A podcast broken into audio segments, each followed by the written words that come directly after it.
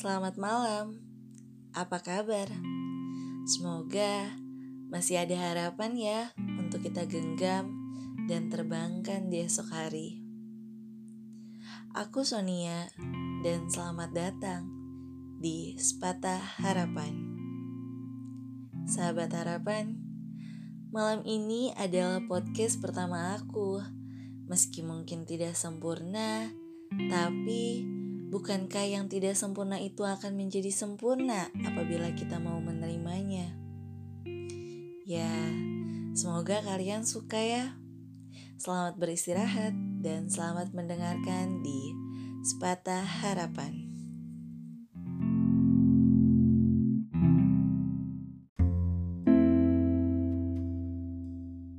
Setiap manusia memiliki harapan, harapan yang ingin diubahnya menjadi kenyataan berharap Tuhan akan mengabulkan semua harapan yang digenggam. Baik harapan memiliki mobil mewah, rumah baru, dan hal-hal lain yang menurut kamu itu adalah harapan yang patut dikabulkan sebagai insan. Sehingga terkadang harapan tersebut kalau tidak terwujud pasti jatuhnya patah hati. Sedih ya, patah hati lagi dan lagi. Kali ini aku akan membahas mengenai kisah relationship dari teman kita. Sebut saja namanya Hani.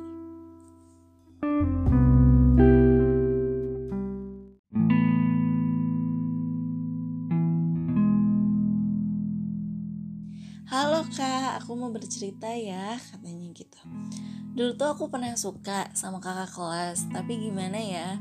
Aku tuh masih ngerasa insecure kalau aku tuh belum cantik masih belum glow up gitu. Karena dulu mungkin masih SMA ya dan aku tuh emang tipe orangnya yang gak terlalu suka berdandan. Pertama kali aku ketemu dia seorang kakak kelasku yang tingginya sekitar 170 cm kulitnya bersih, tubuhnya kurus, sedang berjalan bergerombol bersama teman-temannya di lorong sekolah. Seketika aku terpesona dengan senyuman manis yang melengkung di pipinya. Tanpa berpikir lama, aku langsung mencari tahu tentang kakak kelasku tersebut.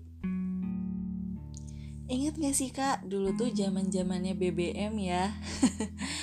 aku tuh sempat dapat pin dia dari temanku dan dari situ terkadang aku caper-caper gitu lewat status lagu yang suka ketahuan ke update gitu. Yang tulisannya tuh sedang mendengarkan lagu bla bla bla itu loh. Lucu ya. Terus dari situ kakaknya jadi dekat sama aku suka chat chat gitu. Tapi mungkin kebahagiaan gak selamanya ada pada saat itu. Kakaknya pergi gitu aja dan yang paling sedih ya pas aku tahu kalau dia itu sempet jalan sama temen aku Wow, sedih banget sih ya, tapi ya udahlah, aku berusaha diem aja seakan-akan kita ini emang gak ada apa-apa. Tapi bukannya emang kita gak ada apa-apa ya. oh, sedih banget. Katanya. Kemudian setelah bertahun-tahun lamanya, akhirnya aku dapat pacar, namanya Johnny. Kalau nggak salah tuh pas lulus SMA, dia yang bilang suka sama aku dan aku ya udah terima dia gitu karena dia mau terima aku apa adanya katanya.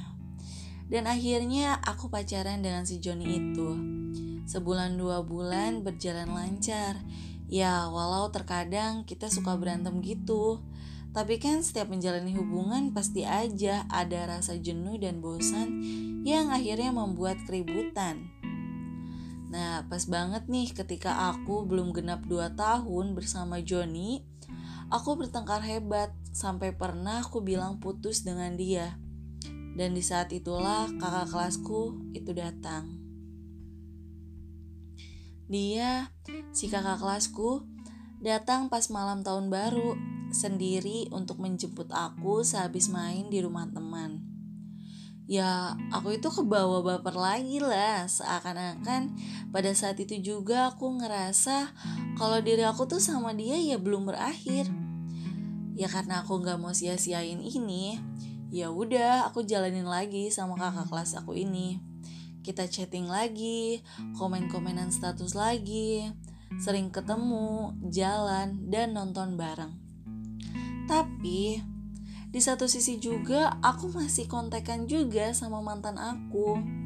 Sampai suatu saat hal itu tuh ketahuan sama kakak kelasku dan dia marah banget sampai aku ditinggal gitu aja tanpa ada kata jadian atau kata perpisahan. Dan lebih parahnya lagi, aku sempat-sempatnya dibilang sama dia itu nggak punya otak. Hah, sedih banget kalau diinget-inget kejadian itu. Seketika aku ngerasa hancur banget. Ya aku tuh ngerasa bahwa orang yang kamu sayang dari sejak SMA, tapi dia bilang kata-kata kasar itu, ya walaupun sempet juga dia minta maaf dan ingin memulai kembali, tapi bagi aku tuh udah nyakitin banget kak. Aku nggak pernah dikasarin sekasar itu, dan aku lebih milih ya udah mungkin dia emang bukan orang yang terbaik. Kemudian seiring berjalannya waktu, aku sama dia tuh udah lost kontak, lost kontak banget. Soalnya sempet aku hapus nomor dia karena pengen belajar move on aja rasanya. Tapi kemarin aku save nomor dia lagi dan ada hal yang bikin aku sakit hati banget. Ternyata dia udah dapetin cewek yang lebih baru dari aku, yang lebih cantik, lebih glowing, bahkan lebih sempurna dari aku gitu. Aku nggak tahu sih kak, ini namanya ada rasa atau enggak, tapi yang aku tahu ini tuh rasanya nyakitin banget. Bahkan sempet dia posting di sebuah sosial media kalau dia tuh udah kasih cincin ke cewek barunya dia aku ngerasa kenapa bukan aku aja sih? Kenapa harus dia gitu? Bukannya aku. Padahal jelas-jelas yang dulu suka sama dia tuh aku. Aku yang masih kadang mikirin dia kadang suka cari info tentang dia tapi dianya malah sama yang lain.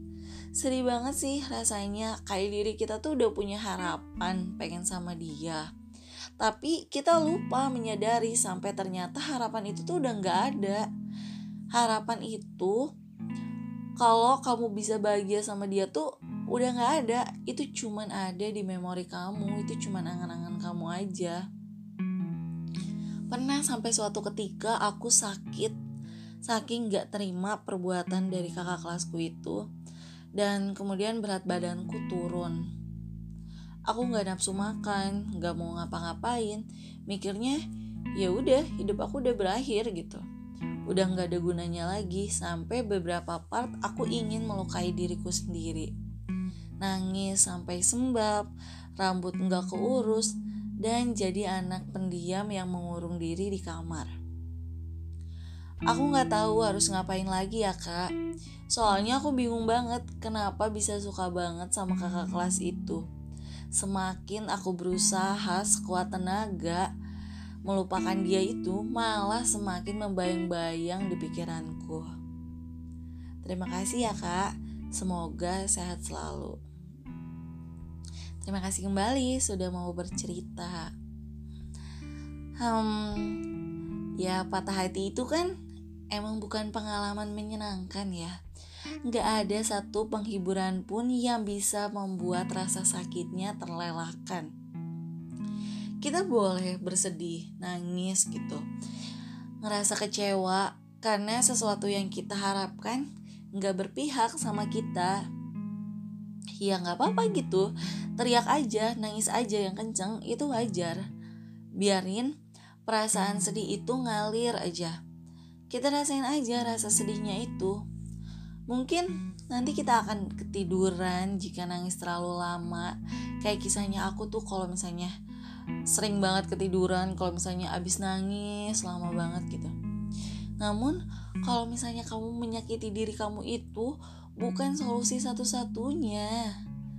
Menurut aku sih ya kamu udah bener kan awalnya karena kakak kelas kamu itu sempat ghosting kamu kan ketika kamu SMA tuh terus kamu udah dapet yang baru tapi kamu malah milih melanjutkan kisah yang lama terpendam tuh malah kembali gitu membuka lembaran baru bersama dia.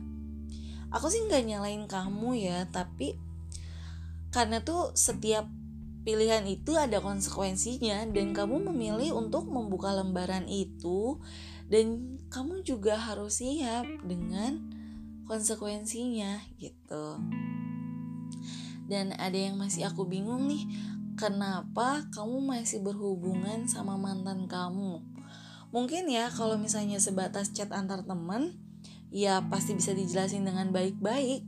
Atau mungkin di sini sih salahnya si kakak kelas kamu yang terlalu posesif dan gak mau kamu berhubungan dengan orang lain ataupun dengan cowok yang lain selain dia gitu. Sampai-sampai kan dia ngomong kasar kayak gitu kan. Tapi menurut aku nih ya kalau cowok udah ngomong kasar dan kamunya itu bener pantes kok itu semua ditinggalin. Kamu berhak bahagia dibanding kamu dapetin perlakuan kasar dari dia. Perlakuan kasar dalam bentuk verbal ya maksud aku. Ya apalagi kan uh, kamu tuh di sini masih dalam proses pendekatan kan. Jadi ya belum pacaran gitu masih mending ya udahlah tinggalin aja gitu. Terus kamu udah lost kontak kan sama kakak kelas kamu dan kamu kenapa gitu masih milih untuk balik lagi dengan dia dengan cara kamu nge-save nomor kakak kelas kamu lagi? Ibaratnya gini ibaratnya luka yang belum sembuh udah kamu siram lagi pakai alkohol. Pedih banget amat pedih.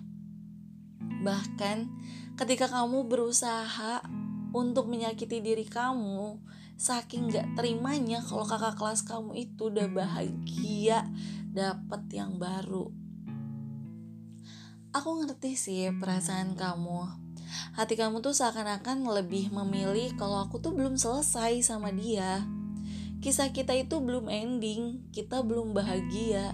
Tapi kenapa dia milih pergi sama yang lain? Dan akhirnya kamu patah lagi patah lagi dan lagi menurut aku kalau kamu masih kayak gini terus ya diem kayak gini stuck gitu meratapi kisah kamu yang kayak gini ya menurut aku kamu nggak akan dapat apa-apa. Bisa disebut gagal move on sih. Ya karena kamu masih stuck di situ-situ aja gitu sedangkan dia udah dapat yang baru kan. Coba deh sekarang uh, kita belajar untuk move on karena uh, move on ini tuh adalah sesuatu yang harus dihadapi semua orang di mana pada saat satu titik nggak ada cara lain lagi selain untuk meninggalkan patah hati itu dengan cara melaluinya sendiri. Ada banyak banget kok cara untuk memulai itu semua mungkin kamu bisa menyeimbangkan kenangan manis sama dia dengan kejadian-kejadian yang menyakitkan yang membuat kamu kecewa, membuat kamu marah ataupun membuat kamu sedih gitu. Kemudian kita juga bisa sih buat berhenti untuk kepoin semua sosial medianya dia. Karena kalau misalnya kita masih ngeliat ya jujur kalau misalnya kita masih ngelihat sosial media kita apalagi pas di update gitu jadi kebayang-bayang gak sih uh, dia tuh masih kepikiran lah di kepala kita gitu kan. Kalau aku sendiri sih mending dihapus aja lah nomornya biarin aja. Dibilang anak kecil ya daripada otak aku kebayang-bayang terus dia lagi dia lagi dia lagi kan nah, mending aku hapus aja gitu. Dan setelah itu mari deh kita coba untuk melakukan hal-hal yang lebih menyenangkan daripada harus berdiam diri di kamar, sedih-sedihan gitu.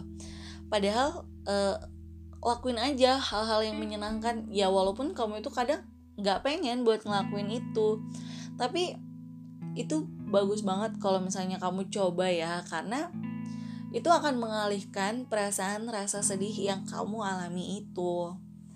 Dan yang terakhir, yang paling penting itu adalah menerima semuanya dengan apa adanya dan membiarkan hal tersebut mengalir begitu saja tanpa ada pemaksaan dari diri sendiri untuk melupakan dia. Karena niat, sahabat harapan, karena banyak banget yang menganggap bahwa move on ini tuh sama dengan melupakan. Dan yang terkadang hal itu tuh malah bikin proses move on kita tuh malah jadi gagal gitu. Karena sebenarnya konsep utama dari move on itu adalah melupak bukannya melupakan melainkan berbaikan dengan semua kenangan dan ingatan yang terjadi. Semua yang pernah dijalani sama sang mantan baik kenangan manis maupun kenangan pahit gitu. Semua itu harus mampu kita rangkul dan kita yakini bahwa masa lalu itu mengandung pembelajaran. Dan nggak akan lagi untuk membagikan rasa sakit di setiap kita untuk mengingatnya gitu. Ya lagi kan kalau misalnya kita berusaha gitu di otak untuk terus melupakan melupakan melupakan gitu kan. Yang ada kita malah selalu keinget keinget dia mulu gitu loh. Gimana sih kayak kamu pengen ngelupain dia yang ada kamu malah inget dia terus yang dan akhirnya nanti kamu bakalan jadi gagal move on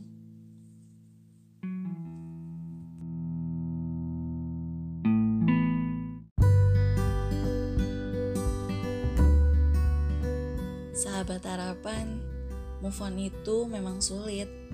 Tapi kamu perlu tahu bahwa diri kamu jauh begitu berharga dibanding hanya untuk mengenang dia yang telah tiada. Meskipun harapan kamu terlalu indah, simpan ya harapan tersebut dalam doa. Karena harapan yang baik akan mendatangkan sebuah keajaiban di suatu hari nanti. Terima kasih ya telah mendengarkan sepatah harapan.